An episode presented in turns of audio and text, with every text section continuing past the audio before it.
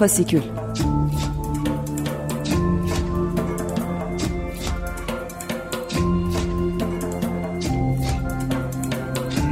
Altyazıdan Aylık Özgür Sinema Günleri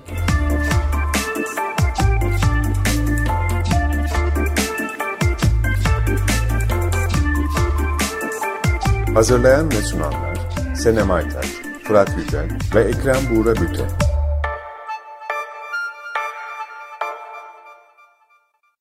Merhaba, Ekrem Buğra Büte ve Senem Aytaç'la birlikte 15 günde bir Özgür Sinema gündemini değerlendirdiğimiz Fasikül programına hoş geldiniz. Bugün e, Buğra ve Senem e, yanımızda yok. E, bugün bir konuğumuz var, Aylin Kuryel. E, kendisi Türkiye'de Yahudi olmak bir deneyim sözlüğünün e, Raşel Mesere ile birlikte editörlüğünü yaptı. Aynı zamanda kendisi belgeselci. E, Altyazı Fasikül'ün e, içeriden dışarıyı serisi için yaptığı Balkon ve Bizim Rüyalar adlı kısa filminden belki hatırlarsınız. Onun dışında birçok orta metraj e, ve kısa metraj belgeselleri var. Aynı zamanda kültürel çalışmalar alanında akademisyenlik de yapıyor Aylin. E, kendisiyle bugün e, aslında Fasikül programında çok da fazla mevzu etmediğimiz bir alana girip bir e, dijital platform dizisini konuşacağız. E, Kulüp adlı dizi. E, Zeynep Günaytan'ın yaratıcılığını yaptığı, Seren Yüce'nin e, Zeynep Günaytan'la birlikte yönettiği e, Kulüp dizisi. E, ni konuşacağız ve diziyi konuşma nedenimiz e, aslında yani bir diziyi özgür sinema e, çerçevesinde değerlendirme nedenimiz dizinin yarattığı toplumsal etki. Tıpkı Bir Başkadır e, dizisinde olduğu gibi bir e, Netflix dizisinin, bir dijital platform dizisinin e, aslında kendi sınırlarının ötesinde toplumsal bir süreci e, tetiklemesi e, ne tanıklık ediyoruz. E, çok kısaca ben e, diziyi biraz anlatayım. Daha sonradan sözü e, Aylin'e vereceğim. E, kulüp aslında temelde sonradan adı Türkiye olacak topraklara 1492 sonrası İspanya ve Portekiz'den göç eden Seferat Yahudilerin Türkiye Cumhuriyeti'nde yaşadıkları üzerine kurulu bir dizi. E, varlık vergisi adıyla bilinen aslında her sınıftan gayrimüslimlerin para ve mülklerine el koyma süreci e, ne ciddi anlamda değiniyor. E, çalışma kamplarına özellikle de Aşkale çalışma kampına e, değiniyor. E, siyasi ve ekonomik baskılar nedeniyle e, Yahudilerin Filistin topraklarına göç etmesi ve daha sonradan İsrail vatandaşı olma sürecine değiniyor. E, Aksel Çorlu'nun Twitter'da e, e, bahsettiği bir e, şey var. Yani kısaca kulüp e, bu ülkede konuşulmayan şeylere değinen bir dizi ve muhtemelen de toplumsal e, bir etki yaratması, toplumsal bir fenomene dönüşmesi de bununla ilgili. E, çokça yazı yazıldı. Yani bu da çok aslında az gördüğümüz bir şey. Bir e, dijital platform dizisiyle ilgili. Genelde diziler izleniyor. Üzerine çok konuşulmuyor. Politik ve siya, e, toplumsal tarafları üzerine çok fazla söz üretilmiyor. Kulüpte böyle olmadı. Biraz buralardan konuşacağız. Çok kısa süremiz olduğu için daha da hızlı konuştum ama e, Aylin'e sözü vermek istiyorum. Aylin seninle birlikte baştan başa belgeselini yaptık. E, orada da Ladino kelimeler vardı. Aslında Türkiye'den İsrail'e e, yapılan saç ticareti üzerine kurulu bir e, film. Ama bir yandan da senin ailenin hikayesi. Biraz hem hani kendin nasıl ilişki kurdun diziyle bir seferat olarak nasıl ilişki kurdun? Ee, ondan da bahsedersen hem de diziyi ele alırsan seviniriz. Merhaba, selamlar. Evet, öncelikle senin de başladığın yerden Türkiye'de Yahudi Olmak Bir Deneyim Sözlüğü kitabını derleme sürecinden belki başlayabilirim. Bir üç sene önce iletişim yayınlarından çıkan bu kitapta Reşen Meseli, Meseri ile birlikte 70 kadar yazardan kısa kısa metinler toplamıştık. Ve bunları sözlük formatında e, Yahudi olmaya dair çeşitli durum, anekdot, alışkanlık ve hikayeler şeklinde e, sözlükleştirmiştik. Ve e, bir yandan işte hani vatandaş Türkçe konuş gibi 1934'teki Trakya olayları gibi 42'deki varlık vergisi gibi işte toplumsal dönemeçlerde yapılan göçler, Türkiye'den İsrail'e yapılan göçler ve bu göçler sonucunda ve e, Türkiye'de yaşayan Yahudi cemaatin aslında her zaman işte diller arasında, kültürler arasında e, çeşitli böyle hibrit e, formlar içinde yaşadığını ve bunların gündelik hayattaki yansımalarını toplamaya çalışmıştık. E, yani Ladino, İbranice, Türkçe arasında gidip gelme, e, azınlık içinde azınlık olma gibi aslında biraz daha az konuşulan e, deneyimlere ışık tutmaya çalışmıştık. Ve buradan Ladino'ya bağlarsak yani bir e, popüler kültür platformunda e, Ladino dilini duymaya e, yani gittikçe yok olan benim kendi hayatımdan söylemem gerekirse mesela Gramama'nın anneannemin işte e, Ladino Türkçe arasında gidip gelerek e, çocukluğum boyunca benle konuşmuş ol, olmasını e, hatırlarsam ondan sonra benim dönemimde, benim neslimde Ladino dilinin artık neredeyse konuşulmadığını e, düşünürsem bir yanda popüler kültür platformunda bu dili e, duymaya kayıtsız kalamadığımı e, söyleyebilirim. Yani özellikle ana akımda işte kendi karmaşık dünyalarına, tercihlerine, politik bilinçlerine ve eyleme gücüne sahip olan gayrimüslim karakterlerin pek ortalıkta olmadığı bir temsil düzeninde e, Ladino konuşan işte Sefarat Yahudilerini ekranda görmek e, ve bir şekilde hani ana kara yani yan karakterlerden ana karakterlere terfi etmiş bir şekilde görmek e, dediğin gibi belli bir tartışma alanı açıyor ve kendi içinde ağırlığı olan tartışma e, isteği yaratan bir duruma dönüşüyor. Hani gayrimüslimlerin işte bildiğimiz gibi hani çokça da yazıldı, çizildi. Hani kötücül veya işte o olmasa bile hani yoksulluk, yalnızlık, komiklik e, ile gündeme gelen yan karakterler değil. Hani e, siyasi dönemeçlerin yani siyasi hatların hayatlarını belirlediği ve buna karşı da eyleme geçebilen yani belli bir şekilde faillik gücü olan karakterler olarak e, görüyoruz dizide, kulüpte. Belki bütün bu var olan hani anlatılardan veya stereotiplerden farklı kılan e, temalardan bir tanesinin de işte dayanışmaya ve seçilmiş aileye yaptığı vurgu olduğunu söyleyebiliriz. Yani bunun eksiklikleri, noksanlıkları, e, hani kendi içerisindeki problemlerini bir tarafa bırakırsak, genel olarak hani ulusal kimlik sınırlarının dışında veya çeperlerinde kalanların dayanışmasına tanık, tanıklık ediyoruz aslında.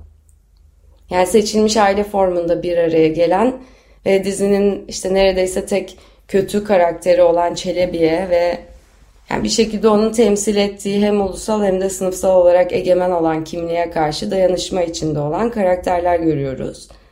E ve ilginç olan e, belki bu sadece dinsel, kültürel, ulusal kimlik üzerinden değil bir oranda sınıfsal kimlik üzerinden de e, kurulan bir dayanışma.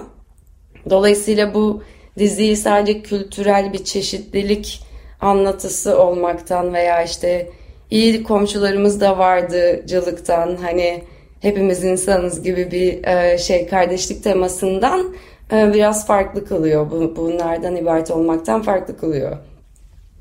Yani belki son olarak şunu da hani bütün e, melodramatik yapısına rağmen hani dizi e, Matilda'nın bir kadın olarak hani bir intikam peşinde olması, harekete geçiyor olması ve e, hani anne kız ilişkisinin bir şekilde kan bağının bir yakınlık kriteri olmasının ötesinde e, git geldi ve hiçbir zaman tam da çözülmemiş bir ilişkilenme e, içinde anlatılması. Yani dayanışma ve seçilmiş aile temaları e, oldukça ilginç ve tartışmaya açıkta kılıyor diziyi. Mesela ben e, bir bölümünü e, Türkiye'de Yahudi olmak bir deneyim sözlüğüyle birlikte e, izlemeye çalıştım. Orada yani dizide duyduğum e, kelimeleri, Ladino kelimeleri sözlükten baktım ve e, her kelimeyi bulabildim ama sadece kelimeleri sözlük anlamlarıyla bulmadım. Aynı zamanda yaşanmış bir deneyim olarak farklı farklı insanların e, dilinden ve tecrübelerinden doğru o kelimeleri öğrendim. O yüzden özellikle de hani diziyi izleyecek de henüz izlememiş olan varsa çünkü yoğun olarak izle, izlememiş olan varsa dinleyicilerimizden sözlükle birlikte izlemelerini tavsiye ederim. Mesela işte birkaç belki kelimeden de bahsedebiliriz. Hani Kayades e, mesela siyasete karışmama anlamına, suskunluk anlamına geliyor. E, Vedre e, Müslüman anlamına geliyor. İşte yeşilden belki kaynaklı bir şekilde e, yeşilin İslam'la olan bağlantısından kaynaklı olduğu söyleniyor ama tam olarak da biliniyor. Borekitas gibi e, belli e, yemeklere de aslında giren bir sözlük bu. E, Ladino dilini e, Türkiye'de sinemada çok sık e, işitmiyoruz, işitmedik. E, hani birkaç böyle son dönemde kısa filmlerde aslında ben bunu yani yeni kuşağın aslında Ladino'yu yeniden keşfetmesi den belki bahsedilebilir. Ancak mesela edebiyatta örnekler var. Bir deneyim sözlüğünü, Yahudi olmak deneyim sözlüğünü birlikte e, derlediğiniz Rachel Mesir'in Küt Oynayan Kadının Kadınlarında mesela e, Ladino yoğun olarak e, mevcut. Şeyden bahsedelim istiyorum biraz da. E, senin yani Rachel Mesir annen bu arada onu da e, dinleyiciler için söyleyeyim. Senin deneyimin yani e, senin teyzelerin e, 70'lerde İsrail'e göç etti. E, burada ise e, çok daha öncesine giden bir anlatı var. E, 40'lar ve 50'lerden bahsedebiliriz. E, fakat göç, Yahudilerin Türkiye'den göçü sonrasında da devam etti. Şu an giderek aslında azalan bir nüfustan, azalan bir varlıktan bahsediyoruz. Fakat ilginç bir şekilde de bu e, dile yönelik ilginin de yavaş yavaş Ladino'ya yönelik ilginin de yavaş yavaş ortaya çıkmasından bahsediyoruz. Filmin kronolojik olarak ele alışına bu meseleye nasıl bakıyorsun? Dediğin gibi e, dizinin kronolojisinde e, bazı insanların da dile getirdiği gibi bir tarihsel e, kayma veya kafa karışıklığı var. Dizinin geri kalan dört bölümünde bununla nasıl başa çıkılacağını hala bilmiyoruz. Ama senin de dediğin gibi varlık vergisi ve Aşkale'ye gönderilmenin 1942'de gerçekleşmesi ya da 43'te gerçekleşmesi ve dizinin bundan 17 yıl sonra başlaması. Yani dizinin şimdiki zamanının 59 veya 60 e, olması kafa karıştırıyor. Çünkü bir yandan da varlık vergisi 6-7 e, Eylül 1955 e, olaylarının öncesinde geçtiği imaları da e, yapılıyor. Hani burada iki tane soru ortaya çıkıyor. Eğer ki 6-7 Eylül öncesinde gerçekleşiyorsa bu dizi neden bunun hafızasını, izlerini pek fazla göremiyoruz? Eğer 6-7 Eylül henüz gerçekleşmediyse nasıl sene 1959? Yani biraz bu dönem anlatısı olma gayretindeki bir e, anlatıda e, böyle bir tutarsızlık e, görmek yani kurmacanın olayları ve tarihleri çarpıtma ehliyeti var tabii ki. Ama buna bağlanamayacak kadar da hani e, sorunlu da bulunabilir. Aslında belki de bir yandan da semptomatik bir durum olarak da görülebilir bu. Yani bir bazı kişi e, bazılarının dile getirdiği gibi e, dizi ilk defa tamam bir gayrimüslim azınlığı merkeze koyarak ve onların hayatlarını siyasi olayların yön çizdiği e, şekillerde anlatıyor. E, fakat bir yandan da aslında toplumsal dinamikleri hep karakterlerin duygulanımları üzerinden de izliyoruz. Yani bir yandan hani devletin suretlerinin, hükümetin politikalarının çok yer tutmadığı bir anlatı açık konuşmak gerekirse. Yani onları aslında seyirciye en temel bilgileri vermek ve duyguların, e, karakterlerin hayatlarına ve duygularına nasıl yön verdiği e, üzerinden bu çerçevede izliyoruz. Yani bunların yerine daha ziyade kültürel alışkanlıklar, hani şabat kurallarından yemeklere uzanan gelenek ve görenekler e, daha çok yer tutuyor. Yani bir hani bu siyasi dönemeçleri, olayları çokça konuşan, tartışan insanlar izlemiyoruz aslında dizide. Yani bu da belki bir şeye de bağlanabilir. E, yani Netflix özelinde tartışılan daha genel konulardan ayrı düşünemeyiz e, bunu. Yani estetik formları ve anlatı dilleri birbirine çok benzeyen ama olay örgüleri ve kahramanları değişen diziler üreten bir platform nihayetinde Netflix. Ve kendi çalışma şeklini, estetik dilini, sınırlarını dayatan da bir platform olduğunu söyleyebiliriz.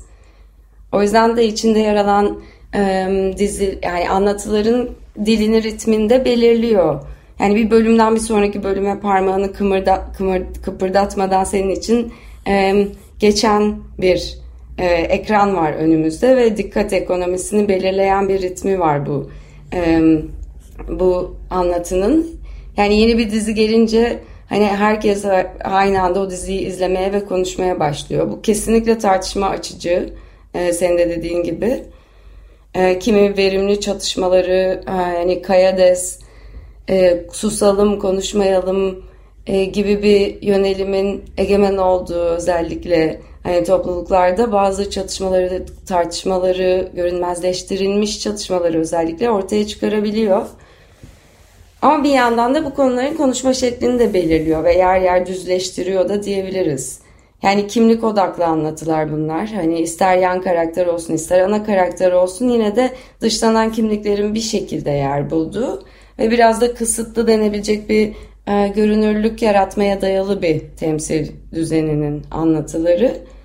O yüzden kulüp gibi bir örnek hani Türkiye bağlamında hmm, benim de senin bahsettiğin hani kendi ailemin göç hikayesinden e, görünmezleştirilmiş ve bir türlü tartışılmayan e, siyasi dönemeçlerin aile içerisindeki etkilerinden işte benim artık kendi konuşmadığım dilden hani izleri görmenin ne kadar önemli olduğunu fark ettiğim e, ve bu tartışmaların ne kadar önemli olduğunu fark ettiğim ama bir yandan da işte bu sınırların, kısıtlarında konuşulması gerektiğini düşündüğüm e, bir örnek diyebilirim. Dizinin Yahudi cemaati üzerindeki etkilerini ve açtığı tartışma alanlarını e, dile getiren iyi bir söyleşi var. Medyaskop'ta Nesi Altaras'ın e, kulüp üzerine yaptığı söyleşi. Belki bu tip öneriler yaparak bitirebiliriz zamanımız daraldığı için. E, bir başka yazı da e, Fatih Benlisoy'un T24'te yayınlanan Mağdurdan Faile, Kulübeden Kulübe yazısı. Biraz burada kısaca değindiğimiz... E, hani öncelikle gayrimüslim işçi sınıfının hani tasfiye edilmesi ve yerlerini Müslüman Türk işçilerin alması gibi daha böyle Foti'nin söylediği şekliyle daha sessiz şiddet vakalarını anlatan bir dizi olarak hani nasıl önceki anlatılardan ayrıldığını tartışıyor Foti ki bu önemli. Bir yandan da yine kısaca değindiğimiz hani biraz aceleci bir kardeşlik ve ortaklık teması da var e, dizide. Bunun da açmazlarından bahsediyor. Bu yazıyı da önerelim. Ben de kapatmadan ben de bir öneri yapayım. Avlaremos.com'da Kenan Behzat Çarpen'in Nostaljinin Ötesinde Beyoğlu'nu geri alma yazısı ve yine aynı yazardan aslında bugün bahsettiğimiz konulara değinen Sınıf ve Seçilmiş Aile yetert.org adlı sitede yer alıyor. E, şunu da e, söyleyelim. Kulüp aslında 6 bölümü yayınlandı. Bu ilk sezonun aslında 4 bölümü daha var. Yani biz aslında ilk sezonunda e, bitmesini bekliyoruz. Ve muhtemelen yani şimdiden bu kadar çok yazı yazıldı, bu kadar üzerine konuşuldu. Muhtemelen e, geri kalan 4 bölüm üzerine de konuşulacaktır. Daha sonradan başka sezon olacaksa onun üzerine de konuşulacaktır. E, biz de hani böyle fasikülde böyle bir pencere açmış olalım. Belki ileride e, tekrardan kulübün geri kalan kısmını da konuşuruz diyelim. E, fasikülün bu hafta sonuna geldik. E, 15 günde bir Açık Radyo'da sizlerle birlikte olmaya devam edeceğiz. İyi akşamlar. İyi akşamlar. Fasikül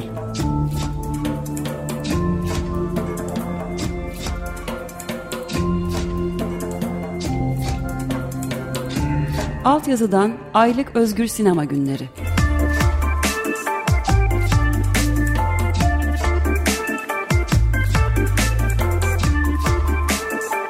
Hazırlayan ve sunanlar Senem Aytaç, Fırat Yücel ve Ekrem Buğra Büte.